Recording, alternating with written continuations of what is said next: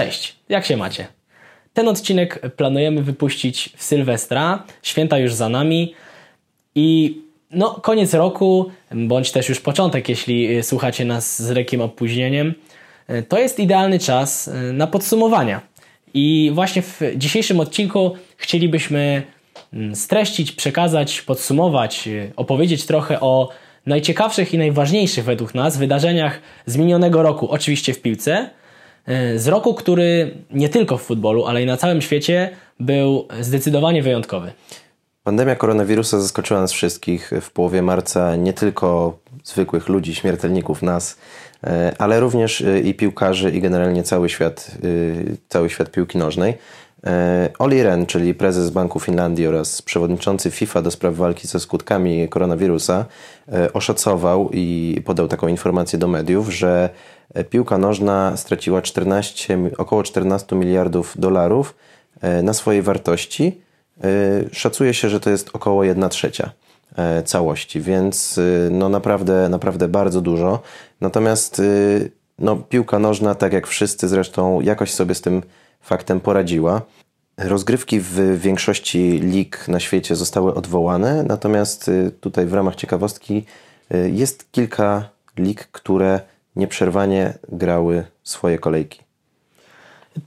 Warto tutaj wspomnieć o tym, że y, Białoruś, która mm, gra w systemie jednego roku i grają pierwszą rundę na wiosnę i na jesień drugą, Y, rozpoczęła sezon normalnie 19 marca i nieprzerwanie liga trwała, mimo że oczywiście y, z zewnątrz były głosy, że no, powinno się przerwać rozgrywki w tak trudnym czasie. Natomiast pan Łukaszenka, który dowodzi krajem, z nie do końca wiadomych powodów uznał, że y, zagrożenia nie ma, czy też już nie będziemy wchodzić w tematy polityczne, ale y, mm, na pewno Liga Białoruska w trakcie pandemii zyskała bardzo wielu fanów. Myślę, że niektórzy zostali z nią do dziś. I tak samo miało, miejsce w, miało to miejsce w Nikaragui. Też jest dosyć egzotyczny, egzotyczny kierunek na pewno dla Europejczyków. To jest Ameryka Środkowa. Mały, niewielki kraj w Ameryce Środkowej. I tam również, mimo pandemii, rozgrywki nie zostały przerwane, były normalnie kontynuowane. I też, y, co ciekawe, mm, oglądałem y, jakiś program, w którym właśnie gościem był człowiek, który był który jest fanem tej ligi i stał się, nią, stał się nim właśnie w trakcie pandemii, kiedy każdy szukał jakichś meczów do obejrzenia na żywo. I właśnie transmisje z tej ligi były gdzieś do znalezienia w internecie i on już przy tej lidze pozostał, do tej pory ją ogląda, śledzi, wie co tam się dzieje i przytoczył taką e, ciekawostkę, o której też myślę warto wspomnieć, że tam zdjęcia przed meczem zawodnicy w odstępach od siebie i w maseczkach robili właśnie już na początku pandemii, gdzie jeszcze no wszystkim było do tego daleko, bo większość rozgrywek wróciła dopiero w maju i takie rzeczy miały miejsce dopiero po dwóch miesiącach, a, a tutaj można powiedzieć, że byli to tacy prekursorzy w tej kwestii. Mm, jeszcze niektóre y, mm, ligi, tylko wspomnę, że właśnie afrykańskie ligi, Angola, Burundi i też y, azjatycki, azjatycka liga w Tadżykistanie przez chwilę grały w trakcie pandemii, natomiast one też miały przez później przerwę i, i wróciły po jakimś czasie, ale te, te dwie ligi w Nikaragui i w Białorusi na pewno warto wspomnieć, że mimo tak trudnej sytuacji, która dotknęła cały świat, znajdą się jak zwykle wyjątki. Powrót wszystkich lig po mm, przerwie związanej właśnie z pandemią e, przyniósł nam niesamowicie dużo emocji w 2020 roku. Mieliśmy wiele niespodzianek i mieliśmy też e, drużyny, które zawiodły. Natomiast postanowiliśmy zadać sobie pytanie, co tak naprawdę działo się przed pandemią? Czy my to pamiętamy? I tym, co najbardziej nam utkwiło w pamięci, e, jest to, że do pewnego momentu Liverpool w lidze, w lidze angielskiej, w Premier League, był niepokonany. I naprawdę nie brakowało mu wiele, żeby powtórzyć y, ten sukces Arsenalu z pamiętnego roku 2004. To był właśnie sezon 2003-2004, gdzie Arsenal był niepokonany w lidze i utrzymał serię 44 meczów, meczów z rzędu 49. bez porażki. 49 meczów bez porażki. 49, bo 44 to jest właśnie liczba, na której zatrzymał się Liverpool, przegrywając na Vicarage Road z Watfordem, który notabene w zeszłym sezonie y, spadł z ligi angielskiej. Także to też obrazuje jak zwykle nieprzewidywalność piłki nożnej. ale w ogóle był to niesamowity sezon w wykonaniu podopiecznych Jurgena Kloppa. Mm, też zastanawiano się, czy nie będzie bardzo dobrej serii zwycięstw z rzędu od początku sezonu, bo dopiero w dziewiątej kolejce stracili pierwsze punkty remisując z Manchesterem United na Old Trafford. Mm, kolejny remis y, też przy, przydarzył im się od razu w pierwszym meczu po powrocie z, po, po tej przerwie związanej z pandemią, gdzie, gdzie był to remis z Evertonem, więc w derbach Merseyside. Y, I co ciekawe, mm, oni w kolejnej, w 31 kolejce, czyli raptem dwie kolejki po, druga kolejka to była po wznowieniu Y, związanym właśnie po wznowieniu gry w lidze. Y, zdobyli mistrzostwo z, wygrywając 4-0 z Crystal Palace i warto tu przypomnieć sezon 13-14, gdzie y, Liverpool też między innymi dzięki Luisowi Suarezowi pod wodzą Brendana Rodgersa, tam był jeszcze ta słynna trójka z przodu SSS, Sterling, Sturridge, Suarez, no, zmierzała po mistrzostwo, ale w bodajże przedostatniej kolejce właśnie z Crystal Palace dali sobie mm, zabrać zwycięstwo, bo prowadzili 3-0 i mecz skończył się wynikiem 3-3. Wtedy Luis Suarez był we łzach, bo wiedział, że może być ciężko i faktycznie w ostatniej kolejce City wykorzystało to i wygrało tę ligę. A tutaj mieliśmy odwróconą sytuację i właśnie w meczu z Crystal Palace e, Liverpool sobie to mistrzostwo zapełnił. Chociaż e, tydzień później, kiedy to Manchester City robił im szpaler y, z, gratulując mistrzostwa. Ulegli 4, aż 4-0 y, wicemistrzowi Anglii. Y, no i... Oglądałem ten mecz, szczerze mówiąc, tam nie było co zbierać z drużyny Liverpoolu. No, Manchester City wspiął się wtedy na wyżyny, drużyna Pepa Guardioli po prostu zagrała fenomenal, fenomenalne zawody, a grę prowadził niezawodny Kevin De Bruyne, który który po prostu chyba zaliczył w tamtym meczu trzy asysty, mi się wydaje. Nie pamiętam, bo to też było dosyć dawno temu, natomiast y, no, oglądając ten mecz, gdyby ktoś oglądał tylko ten mecz w sezonie, pomyślałby sobie, że to Manchester City jest mistrzem, a nie, a nie Liverpool. No to, tak, śmieszna sytuacja wtedy nastąpiła. Kończąc jeszcze tylko informacje odnośnie tego sezonu, które warto przypomnieć, przydarzył im się tylko remis z Burnley i porażka z Arsenalem, który jak wiemy w tym sezonie, wcześniejszym też nie radził sobie zbyt dobrze, a w tym sezonie mm, w ogóle ich sytuacja jest dramatyczna i mówi się o tym, że faktycznie będą walczyć o to, by w ogóle w lidze się utrzymać. I mm, jeszcze nawiązując do Liverpoolu, ten sezon był na pewno niesamowity i też bogaty w to, co lubimy, czyli bogaty w rekordy. I myślę, że warto tu przy, przytoczyć te, e, te takie najważniejsze według nas mm, rekordy, które padły. E, I pierwszą rzeczą, którą chciałem powiedzieć, to to, że e, no coś niesamowitego, bo pierwszy raz w historii Premier League przez 132 lata żadnej drużynie nie udało się zdobyć mistrzostwa na 7 kolejek przed końcem. I pierwszą drużyną, która, którą to, która to zrobiła, był właśnie Liverpool E, wcześniej Manchester United w sezonie 0001 i Manchester City w sezonie 17-18 e, zdobyli tytuł na 5 meczów przed końcem, ale no tutaj mieliśmy gigantyczną przewagę w momencie, kiedy Liverpool zdobywał tytuł, e, miał nad Manchesterem City 23 punkty przewagi. No, to na pewno był ten sezon. Liverpool to udowodnił, udowodnił to wszystkim kibicom, którzy tak długo czekali, bo jednak poprzedni tytuł, który, który Liverpool zdobył E, czyli Mistrzostwo Anglii, e, nastąpiło 30 lat wcześniej. Wtedy, wtedy e, szkoleniowcem był Kenny Dalglish. Ja tylko wtrącę, że nie, bo oczywiście po środku były jakieś tytuły, chociażby Liga Mistrzów, ale mówimy tu właśnie do, o tym, czego najbardziej pragnęli kibice, czyli Mistrzostwie Anglii. Tak, i tutaj z kolejnych ciekawostek w kontekście Liverpoolu. Pierwszy, pierwszy raz w historii Premier League zdarzyło się, że E, trener, który prowadził mistrzowską drużynę, e, pochodził z Niemiec. E, to taka ciekawostka. W tym momencie obecnie Liverpool ma 66 spotkań z rzędu u siebie bez porażki. Co w lidze. W lidze, co jest fenomenalnym wynikiem, jeżeli chodzi o krajowe podwórko. W, właśnie w tym mistrzowskim sezonie Liverpool pokonał każdą drużynę przynajmniej raz i pierwszy raz udało im się to w swojej historii wykonać, więc no, też tutaj e, bardzo duże osiągnięcie. E, I jeszcze e, taka ostatnia rzecz, myślę, że warto powiedzieć, że to trio z przodu, o którym też się dużo mówi cały czas, czyli Salah, Firmino, Mane, teraz dołączył tam Diogo Jota. Ale też wypadł z powodu kontuzji w tym sezonie. Mm, natomiast oni zdobyli łącznie 46 bramek, Salah zdobył 19, Many 18 i Firmino 9, więc y, na pewno ta siła ofensywna też była nieprawdopodobna w tym sezonie. No, Klopp poukładał, poukładał tą drużynę tak jak chciał, zapewnił tyły w obronie, Van Dijk razem z Alisonem przewodzili, z przodu mieliśmy nie, fenomenalne trio, które, które po prostu pozamiatało w poprzednim sezonie Ligę Angielską. I wspomnijmy jeszcze o y, bocznych obrońcach, którzy też wyprawiali niesamowite rzeczy na boisku, asystując przy ogromnej liczbie bramek, ale też mając diametralny wpływ na całą grę zespołu, czyli Trent Alexander-Arnold i Andrew Robertson, którzy Jose Mourinho powiedział takie ciekawe zdanie, że on się męczy od samego patrzenia na, Andy, na no, Andy'ego Robertsona. Na pewno zawodnicy, którzy, którzy niby są bocznymi obrońcami, a grają jak wahadłowie, biegają po prostu od linii do linii i, i, i jakby ilość tych asyst e, no jest, jest naprawdę imponująca. Z tego co pamiętam Trent Alexander-Arnold miał ich 12, gdzie Kevin De Bruyne miał ich 16, a przypomnijmy, że Kevin De Bruyne jest ofensywnym pomocnikiem i to środkowym. Tak, to prawda.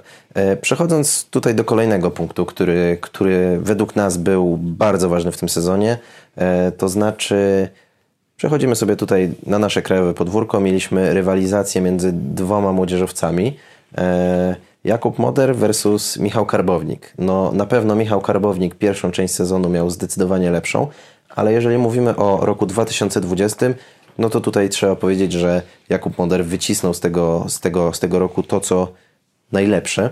E, no, na początku, na początku wszedł do drużyny Lecha Poznań, coraz pewniej się tam poczuł. E, był w pewnym momencie liderem środka pola i taki stan rzeczy utrzymał się aż do końca roku.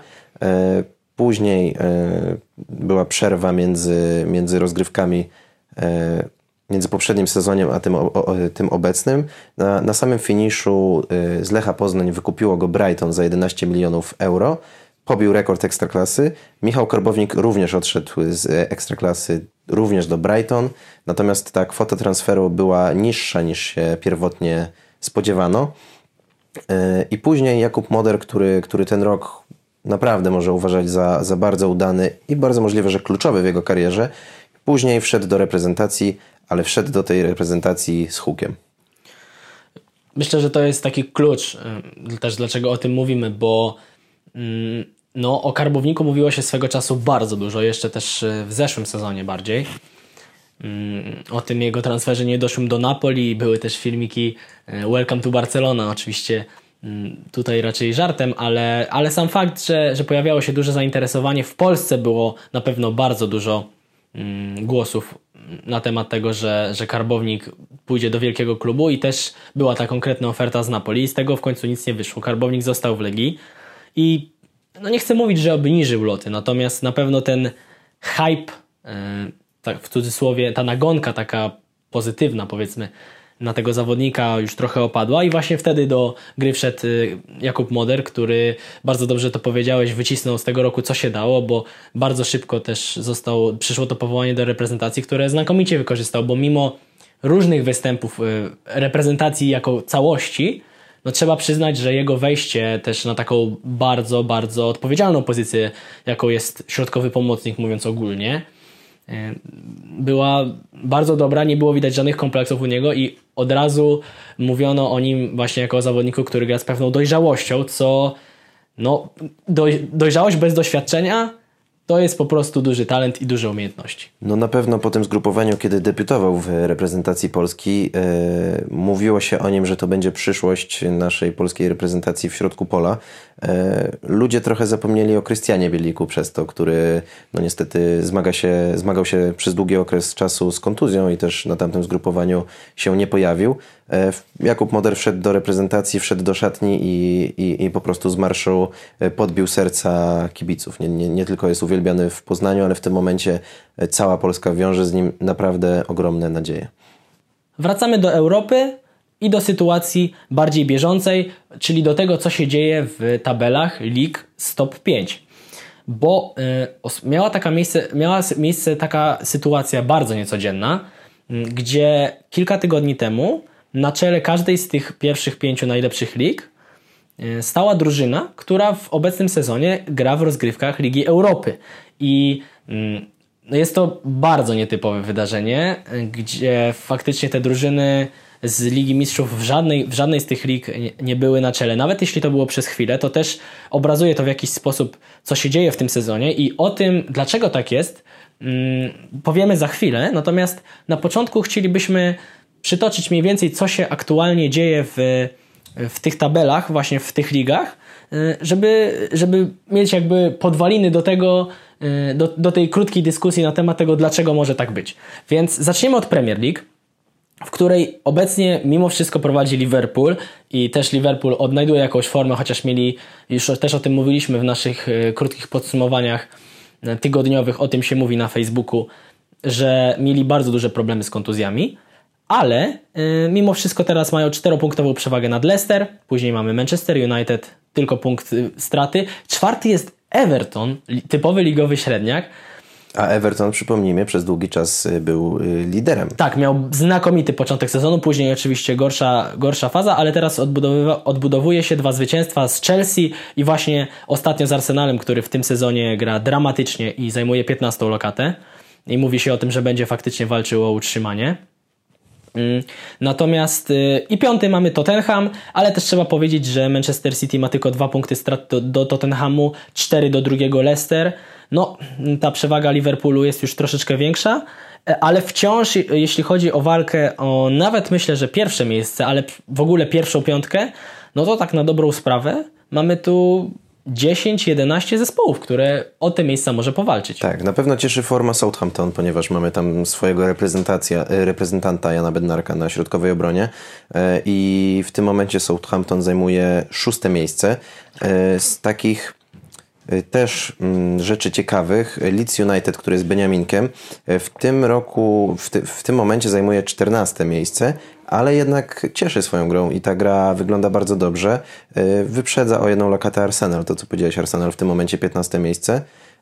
Największym negatywnym zaskoczeniem na przykład dla mnie jest forma Sheffield United, które no, w 14 kolejkach zdobyło dwa punkty. No, jest to szczerze mówiąc no, sytuacja po prostu beznadziejna. beznadziejna. No, to jest sytuacja bez wyjścia. A przypomnijmy, że Sheffield United w zeszłym sezonie było odkryciem Premier League. Ono dość niespodziewanie zajęło ósme miejsce, ósme albo dziewiąte, nie wiem, chyba ósme miejsce zajęło, więc i, i, naprawdę zachwycało swoją grą. E, tam wtedy na bramce stał Dean Henderson, który, który w tym momencie, e, który wtedy został wypożyczony z Manchesteru United, w tym momencie już wrócił z wypożyczenia i, i, i właśnie na zmianę z Dawidem De Geą grają, grają właśnie na bramce w, w drużynie United. No tak Podsumowując Premier League, y, w tym momencie mamy tutaj naprawdę ciekawe przetasowania, bo przypomnijmy, jeszcze kilka tygodni temu to Chelsea było z, z przodu, było gdzieś tam w topie, w tym momencie zajmuje już ósme miejsce. E, no, tak samo United, które gdzieś tam jeszcze dwa miesiące temu zajmowało odległe 14 miejsce, w tym momencie jest trzecie, więc no tutaj wszystko się może zdarzyć. Szczególnie, że w okresie świątecznym będzie bardzo duże nałożenie, przepraszam, natężenie tych meczów e, w lidze angielskiej, jak e, wszyscy dobrze wiemy i też o tym już ostatnio wspominaliśmy. Tak, i przechodzimy sobie do następnej ligi, do Ligi Hiszpańskiej. W tym momencie liderem jest Atletico Madryt, które, które rozegrało 12 meczy do tej pory, a i tak jest w tabeli nad drugim Realem Madryt. Real Madryt w tym momencie rozegrał 14 meczy, ma 29 punktów na koncie.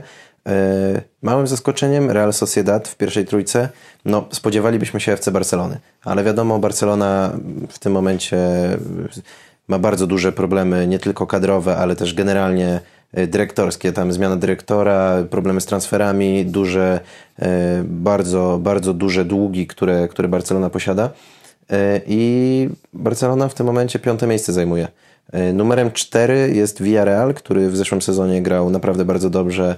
E, tam Santi Cazorla ciągną tą drużynę e, do przodu, a, a, a Villarreal właśnie obecnie zajmuje czwarte miejsce. Mm, no i tak oprócz tego, że Barcelona trochę cieniuje w tym sezonie, no to niewiele się zmieniło. Natomiast y, jest kilka, kilka zaskoczeń. Na przykład dla mnie dużym zaskoczeniem jest y, słaba forma Walencji, która do tej pory zajmuje 13 miejsce. Warto też wspomnieć, że zdobywca Ligi Europy Sevilla jest na miejscu siódmym i też ta strata powoli rośnie do, do pierwszego Realu i Atletico, które mają tyle samo punktów, traci, traci tych oczek 9. Barcelona powoli wykopuje się z tego kryzysu, przynajmniej w lidze punktowo. Jak to się zakończy, nie wiemy, ale na ten moment, podsumowując ten rok, wciąż jest duże pole do, do, do, do zmiany sytuacji, do rozwoju sytuacji, do jakichś niespodzianek, bo mm, jeśli Real Sociedad, Villarreal podtrzymają tę formę, no to kto wie, może Barcelona skończy poza, poza pierwszą trójką, także na pewno dużo się tu będzie działo.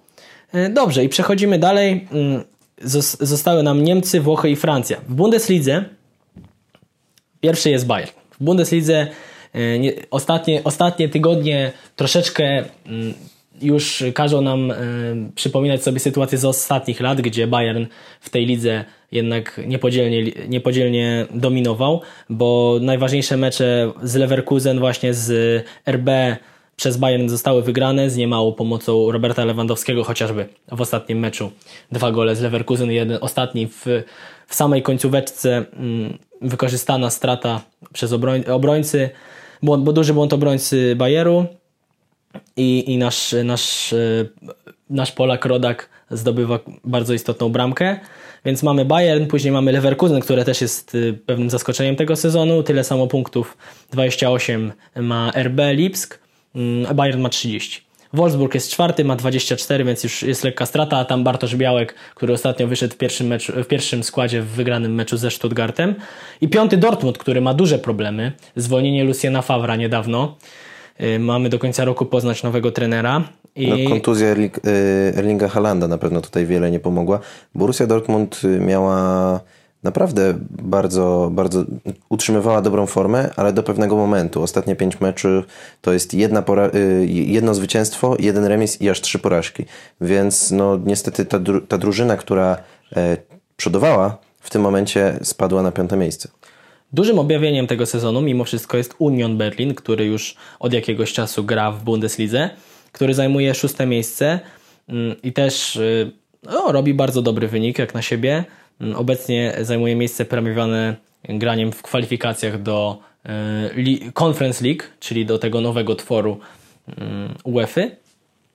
Także jak widzimy, y, mimo tego, że Bayern powoli zarysowuje swoją przewagę, ta walka o te kolejne miejsca będzie na pewno bardzo ciekawa, bo nie sądzę, żeby Borussia w jakikolwiek sposób y, odpuściła w tym momencie. No na pewno ciekawe jest to, że, że jakby to, ta walka o mistrzostwo nie jest mm, Bayern nie ma takiej przewagi, jaką miał w zeszłych latach. Y, w tym momencie mamy Bayer Leverkusen, który rozgrywa kapitalne zawody, RB Lipsk, który y, od dwóch, trzech lat też przoduje w, w, w, w Bundeslidze i też w Lidze Mistrzów zresztą e, w poprzednim sezonie doszedł aż do półfinału. To, co mówisz, Borussia Dortmund na pewno nie odpuści. I przechodzimy dalej. Mamy Ligę Włoską, Serie A. E, tutaj dość niespodziewanie, ale w kapitalnej formie e, lideruje Milan. Milan, który pod wodzą Zlatana Ibrahimowicza z przodu rozgrywa fenomenalnie, fenomenalnie gra wygrywa mecz za meczem tak naprawdę. Tutaj w ostatnich pięciu meczach dwa remisy, które trochę, przez co trochę stopniała ich przewaga nad resztą rywali. Drugie miejsce zajmuje Inter Mediolan. E, no tutaj Antonio Conte jednak trochę mm, ma problemy. Też słychać z różnych mediów, że bardzo mocno się zastanawiają w Mediolenie, czy nie zwolnić go z posady trenera. E, Przypomnijmy, że odpadli z europejskich pucharów, tak? Zajęli o czwarte, ostatnie miejsce w tej zwariowanej grupie z Borussią Mönchengladbach, Szaktarem Donecki i Realem Madryt. To prawda i to na pewno nie pomaga, w, nie pomaga trenerowi e, z Mediolanu. Trzecie miejsce Juventus Turyn z, w tym sezonie fenomenalnym Cristiano Ronaldo, który przewodzi w e, tabeli najlepszych strzelców. AS Roma to czwarte miejsce i Napoli piąte. Napoli z Piotrem Zielińskim na czele. Szóste Sassuolo przez chwilę też było mm, sporym objawieniem na początku sezonu, bo przez ładnych parę meczów nie doznawali porażki, byli jedną z niewielu zespołów w Europie, mm, które się dosyć długo trzymało mm, z taką sytuacją. Obecnie Milan do tej pory tej porażki nie zaznał, tak samo Juventus. Mm, także zobaczymy, jak długo Milan będzie w stanie utrzymywać tę przewagę. Tutaj też Roma ostatnio pogubiła punkty. Juventus jak na razie y, trochę jak walec powoli znowu zaczyna grać y, i wszystkich tych przeciwników y, nie daje szans swoim przeciwnikom w lidze. Inter na pewno już może się skupić na rozgrywkach ligowych, także ta walka zapowiada się bardzo interesująco. I ostatnia liga, do której szybko chcemy przejść, mm, Liga Francuska bądź co bądź cały czas liga jedna z pięciu najlepszych lig w Europie, gdzie też są jak niejako zaskoczenia, bo PSG, który od ładnych paru lat zdecydowanie deklasuje wszystkich w, w, we Francji, mm, ostatnio przegrała ważny mecz właśnie z, z Olimpikiem Lyon i zremisowała też z Lille, które, które właśnie w tej lidze przoduje. Ma tyle samo punktów co Lyon, 33, PSG punkt mniej, i Marsylia Ren po 28 y, już trochę od, troszkę dalej, AS Monaco na siódmym miejscu, Montpellier szóste. Mm, ale na pewno sam fakt, że PSG nie prowadzi w tej lidze i nie ma też żadnej przewagi, nie dość, że nie ma przewagi, to jeszcze zajmuje dopiero trzecie miejsce, można śmiało nazwać dużym zaskoczeniem. No tak, pierwsze trzy miejsca Lille, Lyon y, i, i PSG 33, 33, 32 punkty, więc no ścisk w tej czołówce, będzie ciekawie, ale no Przypomnijmy, że Olympic Lyon to jest drużyna, która w zeszłym sezonie Ligi Mistrzów doszła do półfinału. Sprawiła tym niemałe, niemałą niespodziankę, ale w tym sezonie potwierdzają tą dobrą formę z poprzedniego sezonu. Tak obecnie wygląda sytuacja w, w ligach top 5. Zastanawiałem się trochę, z czego to wynika, bo. Mm, znaczy, może nie bo, tylko i doszedłem do takiego wniosku, że Mm, piłka nożna jest tak nieprzewidywalnym sportem, gdzie decydują naprawdę detale, że w momencie, w którym następuje przerwanie pewnego cyklu i jest ta przerwa, właśnie tak jak mieliśmy te w niektórych ligach ponad 100 dni przerwy od rozgrywek, gdzie też piłkarze nie mogli trenować w klubie w normalnych warunkach, tylko gdzieś tam indywidualnie z rozpiskami od trenerów. Mm, no, dało to pole do, do tego, żeby E, przewagę zyskali niekoniecznie ci, którzy od lat tę przewagę mają, tylko ci, którzy najszybciej się zaadaptują. Więc niejako mieliśmy sytuację, w której każdy startuje z tego samego miejsca, co właśnie pokazują te tabele, bo to nie jest tak, że te drużyny, które teraz y, trochę zaskakująco są w topie, mają dużo mniej meczów, bo są to też drużyny, które grają w Lidze Europy, więc nie można powiedzieć, że y, mogą się tylko skupić na lidze, bo każdy z tych zespołów też gra co trzy dni. Mm, y, ale mimo wszystko każdy, wszyscy startowali nie, y, z, z jednego miejsca i myślę, że to jest taki główny czynnik, który powoduje, że mamy bardzo wyrównane ligi, ale myślę, że mimo wszystko nas to bardzo cieszy. To prawda. Dzięki temu piłka nożna zyskała, ponieważ jest jeszcze bardziej niż, nieprzewidywalna niż była do tej pory. E, takim kolejnym punktem, o którym chcielibyśmy Wam opowiedzieć w kontekście najważniejszych wydarzeń w 2020 roku w piłce nożnej, e, jest trochę zmieniona, znaczy trochę, jest zmieniona formuła rozgrywania, e, rozgrywania Ligi Mistrzów i Ligi Europy, ponieważ w tym roku mieliśmy e, od ćwierćfinałów, nie mieliśmy tak jak do tej pory drabinki, od ćwierćfinału dwa mecze, znaczy mecz i rewanż, półfinał, mecz i rewanż i finał jeden mecz, tylko mieliśmy rozgrywane to w formie turnieju finałowego, w formie drabinki, gdzie rozgrywano jeden mecz bezpośredni, co sprawiło, że małe zaskoczenia były. Małe zaskoczenia były chociażby Olympic Lyon, który doszedł do półfinału, gdzie w ćwierćfinale udało mu się wygrać z Manchesterem City. E, w poprzedniej jeszcze e, fazie e, udało mu się wyeliminować udało mu się wyeliminować Juventus Turyn, więc bardzo duża niespodzianka. Z drugiej strony drabinki mieliśmy RB Lipsk, który no, też do półfinału doszedł, uległ w półfinale Paris Saint-Germain i finalnie to z jednej strony grał Bayern, z drugiej strony PSG.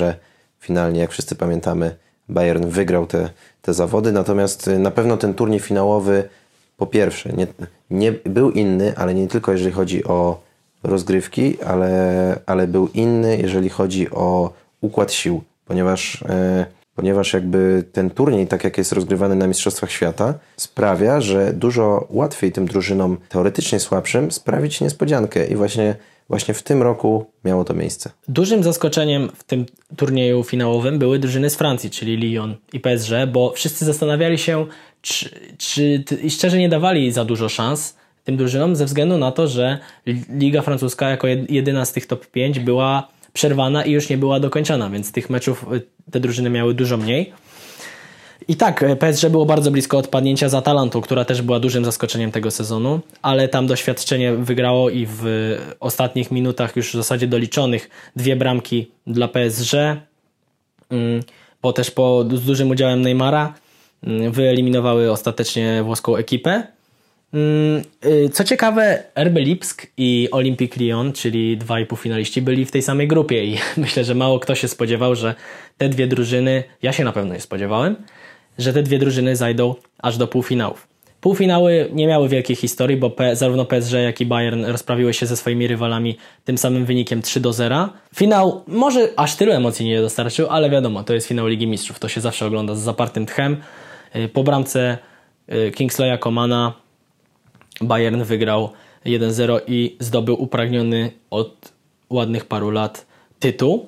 Mm, ja chcę tylko jeszcze powiedzieć y, króciutko o Lidze Europy, która też była rozgrywana nie tylko w jednym mieście, bo mm, przypomnijmy, że finał, turniej finałowy Ligi Mistrzów był w Lizbonie na stadionach Sportingu i Benfiki, natomiast y, Liga Europy była rozgrywana w kilku miastach niemieckich i tam y, Sevilla pokonała 3 do 2 E, Inter Mediolan w finale, tam był szybki gol Lukaku, później dwa gole z głowy De Jonga, bramka e, Godina na 2-2 i w końcówce samobój Lukaku, który przesądził o tym, że Sevilla zgarnęła kolejny tytuł, e, kolejny Puchar Ligi Europy do swojej gabloty. Więc na pewno te... Sevilla, przypomnijmy, trzeci raz z rzędu. Tak. Tak. Oni w ogóle mają niesamowicie dużo tych tych, oni są mistrzem Ligi Europy, tak? To jest, to jest drużyna z największą ilością tych pucharów, odkąd są wprowadzone te rozgrywki zamiast pucharu UEFA. Mm, ja, I wracamy już do, do Ligi Mistrzów, gdzie no właśnie, wygrał Bayern i Bayern, ale Bayern wygrał w niesamowitym stylu, bo mimo, że finał, był, finał wygrał tylko 1 do 0, no to jednak wcześniej te wyniki naprawdę robiły wrażenie. Bayern Monachium w e, sezonie 2020 wygrał wszystko, co miał do wygrania. Przypomnijmy, bo to jest Mistrzostwo Niemiec, to jest Puchar Niemiec, to jest Liga Mistrzów, Super Puchar Niemiec i Super Puchar Europy. E, do tej puli dochodzi jeszcze, dochodzą jeszcze klubowe Mistrzostwa Świata, które w 2020 roku nie były rozgrywane. Będą e, rozgrywane w lutym 2021. Jeżeli Bayern wygra je, no to wtedy powtórzy sukces Barcelony z roku 2009, gdzie Barcelona właśnie w tamtym sezonie wygrała wszystko, co było do wygrania. Bayern Monachium, można powiedzieć, jak walec w tym sezonie po wszystkich przeciwnikach się przejechał z Robertem Lewandowskim na czele, e, który, który w 58 meczach strzelił 64 bramki. Średnia goli na mecz to 1,1, miał jeszcze 15 asyst. Robert Lewandowski, który e, który został królem strzelców Bundesligi, Pucharu Niemiec i Ligi Mistrzów. E, został piłkarzem roku UEFA, został piłkarzem roku w Niemczech, ale co najważniejsze, został przez FIFA wybrany piłkarzem globu. E, I ze swoich rywali miał Cristiano Ronaldo i Leo Messiego, których statystyki nie były aż tak imponujące jak naszego Polaka e, w tym sezonie. E, Cristiano Ronaldo 57 meczów, 53 bramki. Średnia goli na mecz to jest 0,9. Do tego dołożył jeszcze 7 asyst. E, trofea, które mu się udało zdobyć, to tylko Mistrzostwo Włoch. Mm, nagród indywidualnych w tym sezonie nie miał. Leo Messi, który w 49 meczach strzelił 34 bramek, 34 e, gole. Średnia goli na mecz to 0,7. Dołożył do tego 30 asyst, więc na pewno Leo Messi miał dużo większy wpływ, jeżeli chodzi o podania do kolegów. E, natomiast e, w tym sezonie, mm, w 2020 roku, trofea żadnego nie udało mu się zdobyć. E, jedyną nagrodą indywidualną to było zdobycie korony króla strzelców w La Liga. Ja wrócę jeszcze tylko do Ligi Mistrzów, gdzie w, jednak trzeba też powiedzieć o tych wynikach Bayernu, który w dwumeczu z Chelsea wygrał 7 do 1. Pamiętamy ten znakomity mecz 3 do 0. Ten pierwszy mecz, gdzie też rozklepali zawodników Chelsea tak jakby grali niemalże z drugoligowcem.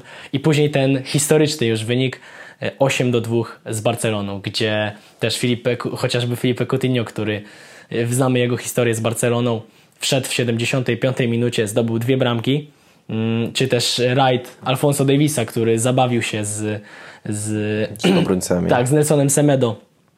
Mm, na boku, na boku pola karnego, po czym dograł do, do jo, y, Jozuły Kimisia.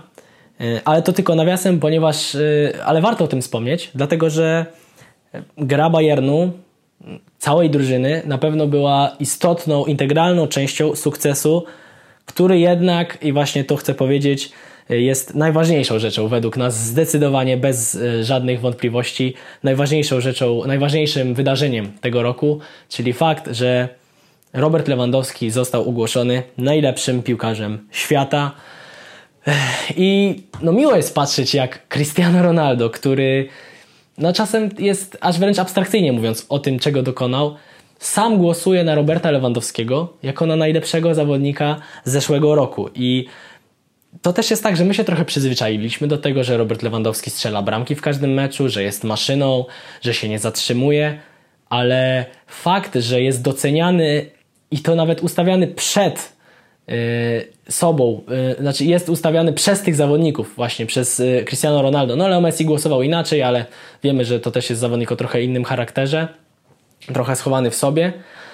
Natomiast fakt, że inni zawodnicy też uważali, że to był zdecydowanie jego sezon, no tylko sprawia, że możemy być dumni, bo na pewno, no mam nadzieję, że to się jeszcze powtórzy. Robert Lewandowski sam może powtórzyć y, ten wynik na pewno jeszcze w najbliższych latach, ale kiedy trafi się nam kolejny taki piłkarz, który będzie mógł walczyć z tymi topowymi o takie nagrody jak najlepszy piłkarz na świecie, no tego nie wiem. Szczerze mówiąc, ja na przykład jak usłyszałem, że Robert Lewandowski dostał tę nagrodę i bardzo się spodziewałem jej. Znaczy, e, no tak obiektywnie rzecz mówiąc, nie znalazłem innego, lepszego piłkarza od niego. Ewentualnie mógłby rywalizować ze swoim kolegą z drużyny, kapitanem Bayernu Monachium, Manuelem Neuerem, ale poza tym e, no to Robert Lewandowski w 2020 roku nie miał sobie równych. Udowodnił to nie tylko statystykami drużynowymi, ale udowodnił to również statystykami indywidualnymi, które miał po prostu kapitalne w tym sezonie. I to jest coś, co nas, Polaków, cieszy. To jest coś, z czego możemy być dumni. Powinniśmy być dumni. Śmiejemy się, że Polak, rodak, Robercik najlepszy i prowadzi naszą kadrę, ale jednak on z każdym kolejnym sezonem to udowadnia. W wieku 32 lat e, dostał nagrodę za najlepszego piłkarza globu. Szkoda, że nie dostał, nie został, e, szkoda, że został odwołana gala Złotej Piłki, yy, która jest prowadzona przez France Football. Natomiast mimo wszystko, no i tak możemy być z tego dumni. Jest to historyczny sukces Polaka. Jest to coś, co do tej pory żadnemu Polakowi nie udało się osiągnąć. To tyle na dziś, jeśli chodzi o podsumowanie, nasze podsumowanie najważniejszych wydarzeń w piłkarskim świecie w 2020 roku. Dziękujemy, że byliście z nami do końca. E, przypominamy i przypominamy o tym, żebyście e, sprawdzali naszego Facebooka, gdzie w każdy poniedziałek wrzucamy odcinek o tym się mówi, o najciekawszych wydarzeniach z minionego tygodnia, a co czwartek wrzucamy nowy odcinek naszego podcastu z piłką na ty.